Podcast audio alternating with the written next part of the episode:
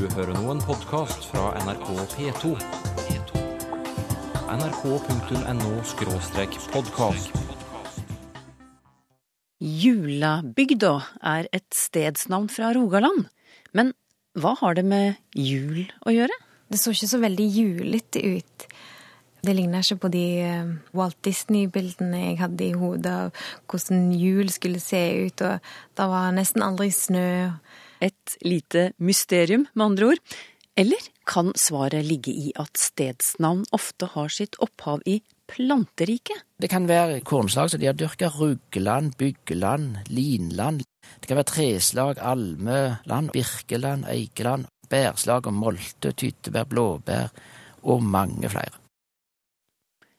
Du, det er en ting jeg lurer på, Sylfest Lomheim. Julepålegget sylte, hvorfor heter det det? Altså sylte. Vi har sylteagurk, vi har syltelabber, vi har sylteflesk. Ja ja, jeg vet det, men hvorfor kaller vi dette kjøttpålegget for sylte?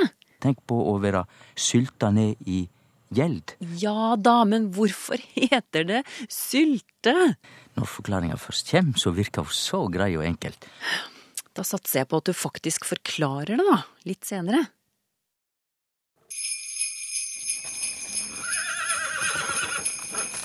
Vi er på vei til bygda som har jul hele året.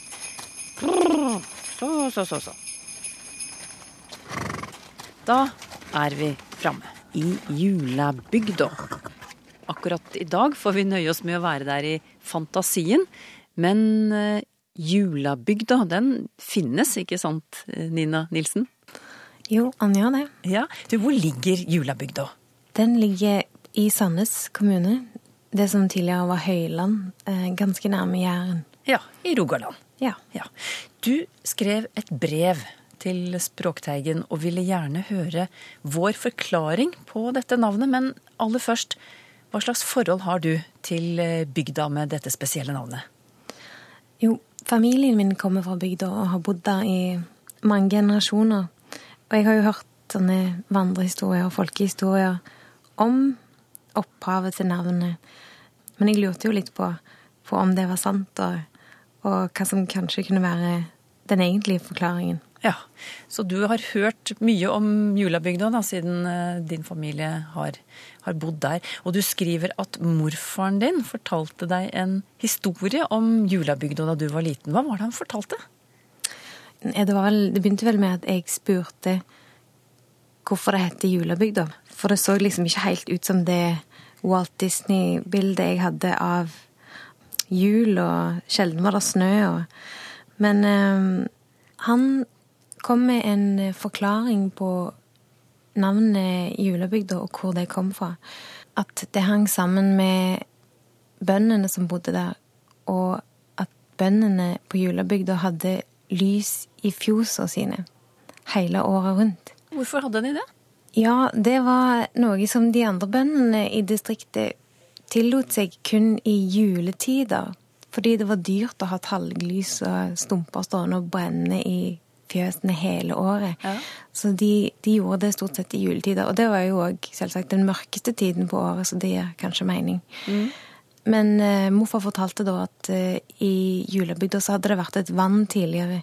Og det vannet hadde blitt drenert, og jorden var blitt så rik og god og næringsrik at bøndene i julebygda hadde råd til å brenne lysene hele året rundt. Og det kunne man se da fra, fra de andre gårdene i distriktet og fra de bygdene omkring, at det brant lys i julebygda.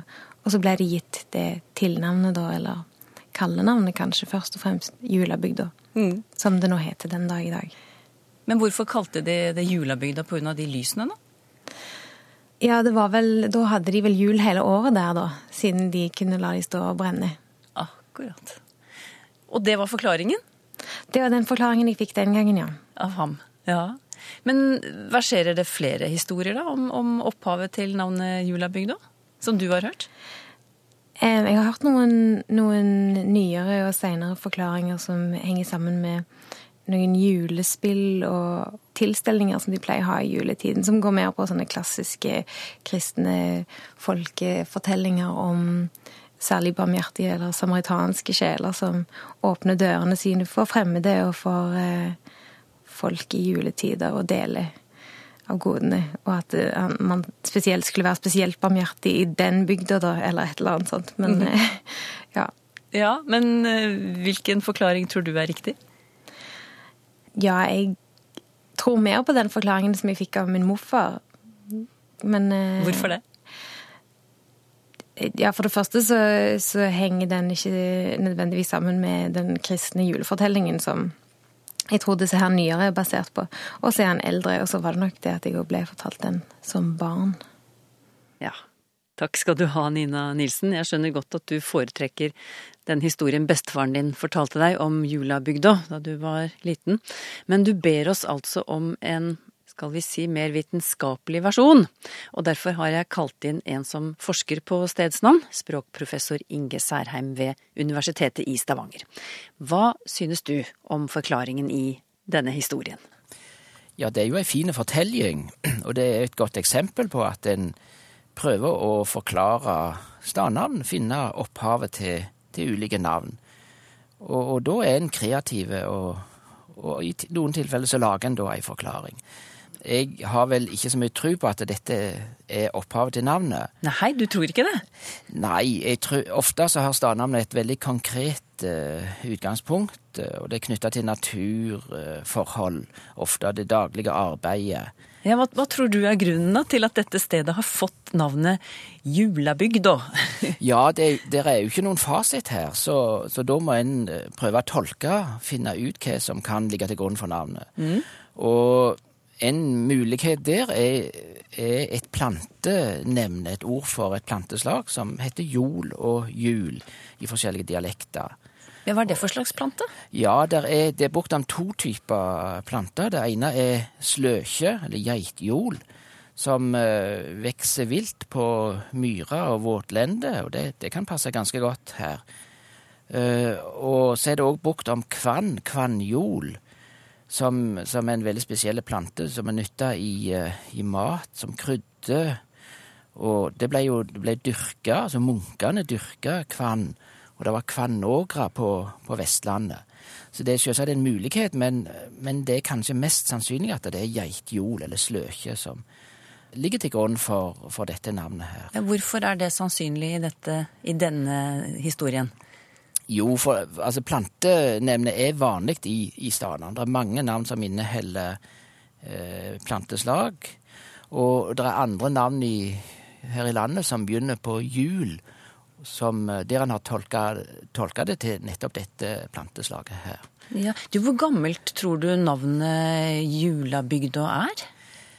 Det er vanskelig å si. jeg har ikke funnet det i svært gamle skrifter, så det, så det trenger slik sett ikke være så veldig gammelt. Men, men det kan ikke utelukkes at det er ganske gammelt. Og, og muligens så kan det her ligge til grunn et, eh, et vassførenavn, et bekk- eller ånavn, som da seinere har blitt uh, førsteledd i navnet Julabygda. Mm. Men denne planten må det da ha vært en god del av på dette stedet, da? Ja, og, og det er sånn uh, myrlendt område fra gammelt, så nå har jo landskapet forandra seg. Det har blitt dyrka opp veldig mye. Men for gammelt er det veldig mye myrer i dette området, ja. og der, der vokser denne planten. Men du antyder at planter og vekster spiller en rolle i norske stedsnavn. Si litt mer om det.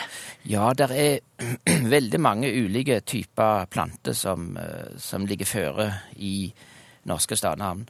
Eh, naturlig nok, for en har utnytta naturen veldig eh, effektivt, og en har kjent til de ulike plantene og urtene. De har slått gras, de har sanka urter, og de har hatt dyra på beite, og de har hogd ned tre til ved og, og, tømmer. Jeg så bare på gardsnavn som, som, ender på land. De er det ca. 2000 av her i landet. Og hvert femte av dem har et førsteledd som forteller om et planteslag. Har du noe eksempel? Ja, det kan være korn, kornslag som de har dyrka. Ruggeland, byggeland, linland, linåkre f.eks. Haveland, eh, havre. Det kan være treslag, alme, Land, Omland, Birkeland, Eikeland, Espeland, Osp, altså. Ærland, Ord eller Older. Førland, Furu, Heggeland så videre. Soppaland, Klungland, Lauland, Nodland, Sporkland, Rittland. Altså det er lang rekke. Ja. Og du kan òg gå inn og, og, se på lokale navn. Jeg så på bare Sirdal kommune i Vest-Agder. Der er mangfoldige ord. altså for planter sløkje, for eksempel bjørnskjegg, kvein, borkne, bregne, fivel, geitsko, tørt, pors, lyng, og så bærslag og molte, tyttebær, blåbær og mange flere. Men, men du Inge Særheim, hvis vi forlater planteriket og, og vender tilbake til høytiden jul, finnes det eksempler på steder som faktisk har fått navn etter julen? Ja, det er der. Det er kanskje ikke veldig mange, men det fins en del. Ja, for da er, ja, da er det ofte hendinger eller tradisjoner som er knytta til jul. Eh, nå nevnte jeg Sirdal, og der er det en gard som heter Goddal. Og en plass på Goddal heter Juleråse. Og Bakgrunnen for det navnet er at det pleier eh, et stort ras, snøras, rundt juletida på akkurat denne plassen. Mm. Så har det fått navn etter det. Og på Sunnmøre så er det en, en grunne, fiskegrunne som heter Julaftangrunne. Ja. Og der eh, blir det fortalt at de kunne fiske, få ferske fisk til jul. Det er jo viktig på, på Vestlandet. Mm. Så, en kan jo tenke seg at, at uh, jul i noen tilfeller er brukt billedlig, altså om noe som er godt. Kanskje en god fiskeplass, eller noe sånt. Det, det kan jo òg tenke. Så er det òg navn som julaften, for eksempel, eller julaften uh, i Vestfold. Uh, brukt om noen skjær. Og der kan det være ei hending som ligger til grunn. Noe som har skjedd på julaften. Men du, en, en andre stedsnavn som har noe julete over seg, men som ikke akkurat har jul i ordet. Finner vi dem her i landet? Ja, jeg tenkte på, på navnet Nissedal fra Telemark. Ja. Der er det jo noen som, som, regner med at det er ordet nisse. Og de tenker sikkert på jul, en julenisse.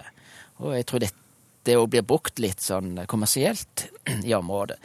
Men førsteleddet har ingenting med nisse, ordet nisse å gjøre. Det, der er det et uh, innskynd av nisser Eh, en stor eh, sjø som ligger der. Og den heter Nitsir i gammelnorsk, og inneholder et gammelt elvenavn, Nid. Nid i gammelnorsk.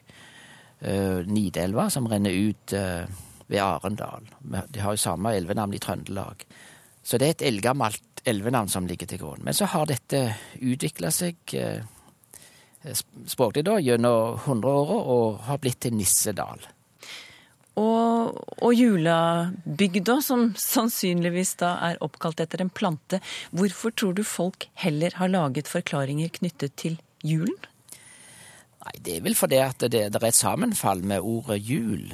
Og når en får førsteleddet jula, så tenker en på, på jul. Altså juletre og julegaver, julenisser osv. Og, så og det stimulerer fantasien, sånn at en lage forklaringer som passer da, eller som, som en sjøl eh, forteller videre. Og det er viktig at slike fortellinger blir fortalt videre. og Det er en viktig del av tradisjonen, selv om det antagelig ikke er historisk korrekt.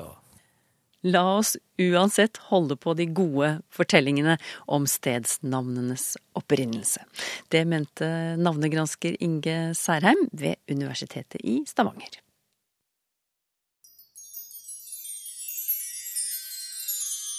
Julesnøen daler, kanskje. Og språkforsker Heidi Brøseth ved NTNU er opptatt av hvordan vi snakker om nettopp snø. Du har sikkert hørt denne historien om at eskimoene har så fryktelig mange ord for snø. Og det er en historie som dukker opp i undervisning og TV og radio og ukeblad og overalt, egentlig. Men det er altså en myte. Det er ikke sant, og det er faktisk en forsker i USA som heter Laura Martin, som har forska på denne myten. Og hun har funnet ut at den kan spores tilbake til 1911, der det var en artikkel som nevnte at eskimoene har fire ord for snø. Og etter det så har eh, denne eh, blitt gjenfortalt i ulike sammenhenger, og antallet har bare økt og økt og økt. Og til slutt, i 1978, så er det faktisk ei værmelding som påstår at eskimoene har 200 ord for snø. Så her er virkelig fjæra som ble fem høns, altså. Og nå lurer du sikkert på, men hvor mange ord har de for snø, da? Og det er ikke så lett å svare på, faktisk. For det første så er det jo forskjeller mellom ulike grupper av eskimoene. Alle eskimoene har ikke det samme ordforrådet. Og så er det forskjeller mellom generasjoner i forhold til hvordan ordforråd eldre og yngre har. Og så er det bare det å bestemme seg for hva skal regnes som et ord for snø. Eh, skal f.eks. ord tilsvarende snøborg og snøball og sånne ting, skal det regnes som egne snøord? Skal varianter som nedsnødd og snødd ned eh, være ett eller to ord? Så bare det å telle ord, det er en stor oppgave. Men eksperter på området de har forsiktig antyda at det kanskje er så mange som tolv ord da, for snø i disse språkene. Så hvis du noen gang møter noen som gjenforteller denne historien om eskimoene sine mange ord for snø, så kan du jo gjøre dem oppmerksom på at det er nok ikke helt sant. Og samtidig kan du jo be personen telle etter hvor mange ord vi har for snø i norsk. Det er ganske mange. Vi har puddersnø og løssnø og skare og hagl og snøstorm og kramsnø og ja, du kan sikkert mange andre. Det sa språkforsker Heidi Brøseth ved NTNU i Trondheim. Også denne gangen svarer vi på lytterspørsmål om eh, ord og uttrykk knyttet til julehøytiden, Sylfes Lomheim. Det må vi, og da må vi først ta for oss det viktigste navnet av alle, kanskje? Ja, jeg syns det. Før vi tar fram det første brevet, kan du ikke gi oss bakgrunnen for navnet Jesus? Jo. Og det første å si er at han heter ikke Jesus. Det heter han i det greske evangelia, altså når tekstene vart skrevne ned på gresk, som ikke var morsmålet til Jesus. Men på sitt morsmål, altså arameisk, så heiter han Jeshua. Og det ligna jo både på Josva og Jesaja og mykje anna med høyre. Det var rett og slett et veldig vanlig gutenavn. Kanskje et av de mest populære gutenavna. Og det tydde på hebraisk bergar, altså. Når du gir det som navn til en gutt, den gutten som bergar. Med andre ord, det svarer nøyaktig til våre gutenavn på norsk, som betyr den som berger, slik som Birger og Børge. Så Børge og Birger er våre Jesusnavn på norsk. Mm. Og da tar vi fram brevet fra Håkon Stuler, for han har et spørsmål knyttet til navnet Jesus, nemlig hvorfor sier man Jesu i genitiv, som i Jesu liv eller Jesu disipler? Hvorfor sier man ikke Jesus liv og Jesus disipler? Og han lurer også på om denne S-en i navnet Jesus, da, når det er snakk om eh, genitiv, om den bare faller bort når vi snakker om Guds sønn? For det er jo mange som heter Jesus her i verden. Det er helt rett, men dette er jo, som eh, Håkon Stuler eh, sier, det er genitivsform av Jesus. Jesu er genitiven, og det betyr at i stedet for evangeliet til Jesus, så blir det Jesu evangelium, eller Jesu ord. Og dette er ikke bare om Jesus. Vi har det Paulus, han skrev jo mange brev. Han produserte mange åndelige ord. Og da snakker vi om ikke Paulus sine ord, det kan vi, men genitivsform Pauli-ord. Det er også en gammel, klassisk genitiv. Dette var et Pauli-ord. Derimot Peter, han får en vanlig genitivsform. Der heter det Peters brev. Og da forstår jeg det slik at uh, uansett om du er uh, snekker eller rørlegger eller hva du er her i verden, så faller S-en bort i genitiv hvis du heter Jesus? Ja, iallfall ifølge tradisjonell greskspråklig uh, mønster. Synnøve Hjort synger i kor, og nå som det er jul, har de blant annet Det lyser i stille grender på repertoaret. Og så er de uenige om ett ord i vers tre. Der låg han med høy til pute og gret på si ringe seng, men englane song der ute på Betlehems aue eng. Hva er dette men i linjen men, englene' osv.? Jeg forstår Synnøve Hjort så veldig godt, fordi at jeg òg stussa litt på overgangen der Jesus lå med høy til pute og gret men englene song der ute. Eg òg ville venta medan, altså mens, englene song der ute på Betlehems aueeng. Men det er ingen tvil, det er Jakob Sande som skreiv denne flotte julesongen på tidlig 1930-tallet. Da var han rundt 25 år. Og alle manuskript og alle trykk, opptrykk av den teksten seinere viser at det er menn og ikkje mens eller medan. Så eh, det får da Jakob Sande ta på seg, at vi stussa litt på overgangen mellom de to, to uh, setningene. Anne Thorseth Haugen har en venn i Slovenia. Og så har hun fortalt ham litt om våre juleskikker. Og i den forbindelse kom ordet sylte opp. Og hun forteller at hun hadde problemer med å forklare hva dette var. Eh, hun sier hvorfor heter det sylte? Ja, det er ikke så lett å forklare, men når forklaringa først kjem, så virker hun så grei og enkelt. For å sylte er jo Vi har det syltetøy, og da er det jo veldig søtt med en gang, men sylte, som vi har i syltetøy, har ingenting med det søte å gjøre, språklig sett, i sjølve ordet. Det er rett og slett salt. Sylte har sammenheng med salt, og da må vi gå inn i tradisjon for å sylte mat. Det betyr å legge mat ned for å ta vare på den, altså konservere maten.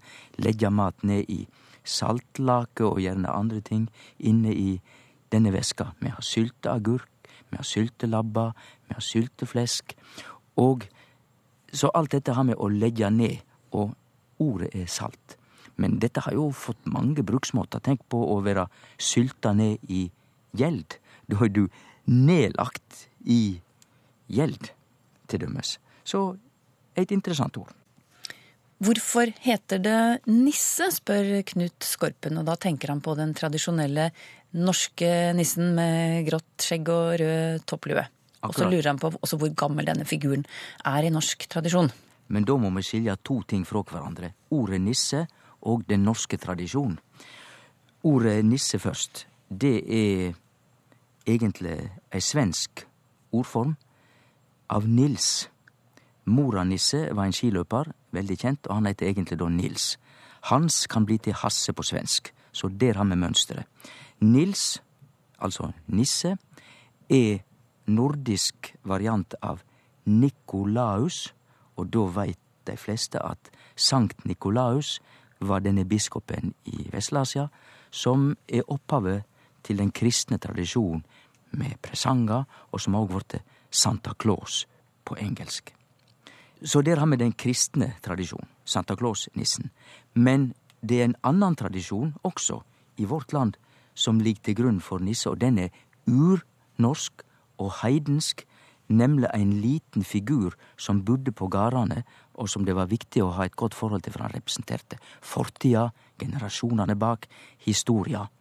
Og den heiter etter gammelt Gardvåren, og den ligger òg attom våre gamle nissetradisjoner.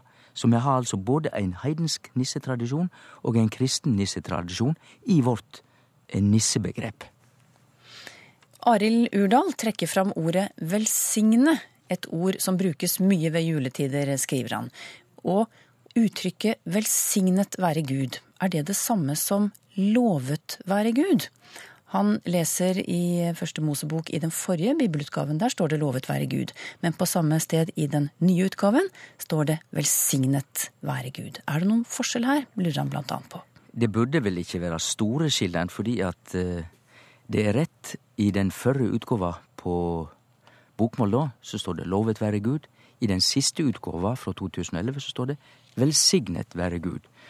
Og uh, det er jo samme grunntekst, altså hebraisk, som er utgangspunktet for begge disse uttrykka på norsk. Eh, og eh, ifølge mine gode teologiske kjelder så er det et verb på hebraisk som ligger til grunn, og det er bereka, eller noe slikt. De som nå syns at det ligner på Barack i Obama, tror rett fordi at Barack Obama, hans navn er hebraisk, og det betyr velsigna. Så Barack Obama er ein velsigna president. Men tilbake til omsetjinga. Først vart det omsett lovet være, nå altså velsignet være.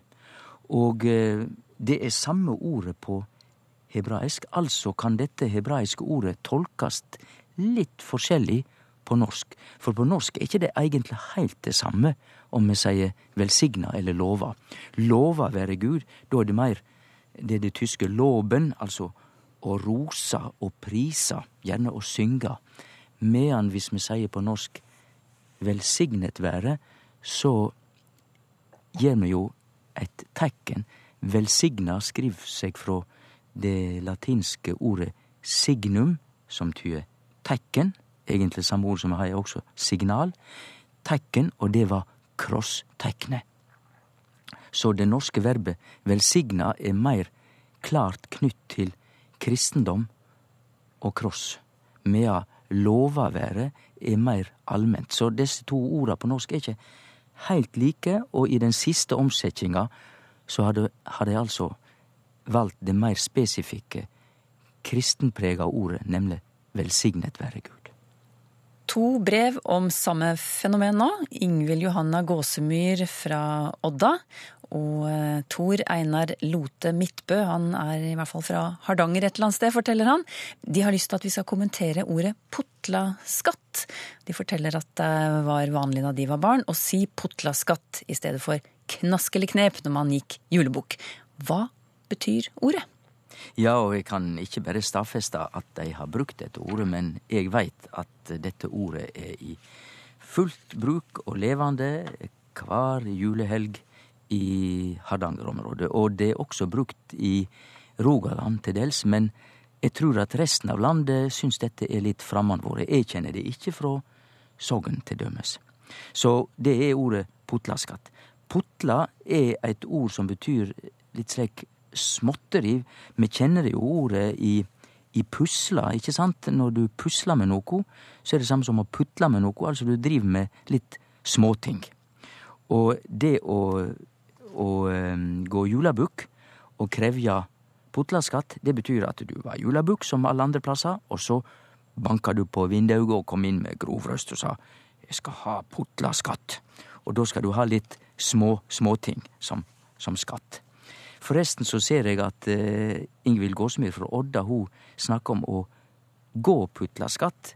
Det sier de nok visst i Odda, men tradisjonelt er det jo å gå julebukk, men å få putlaskatt. Det er jo noe du får.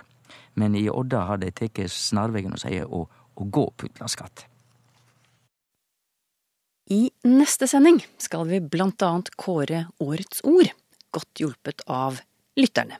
Har du det klart, Sylfest Lomme? Det har jeg. Hva er det? Nei, det, det er såpass alvorlig og stor sak at Nei, Kan du ikke bare si forbokstaven? Nei. du, og det nei-et der, det lød så bestemt at jeg tror vi bare må smøre oss med tålmodighet og møtes på Språkteigen igjen om en uke.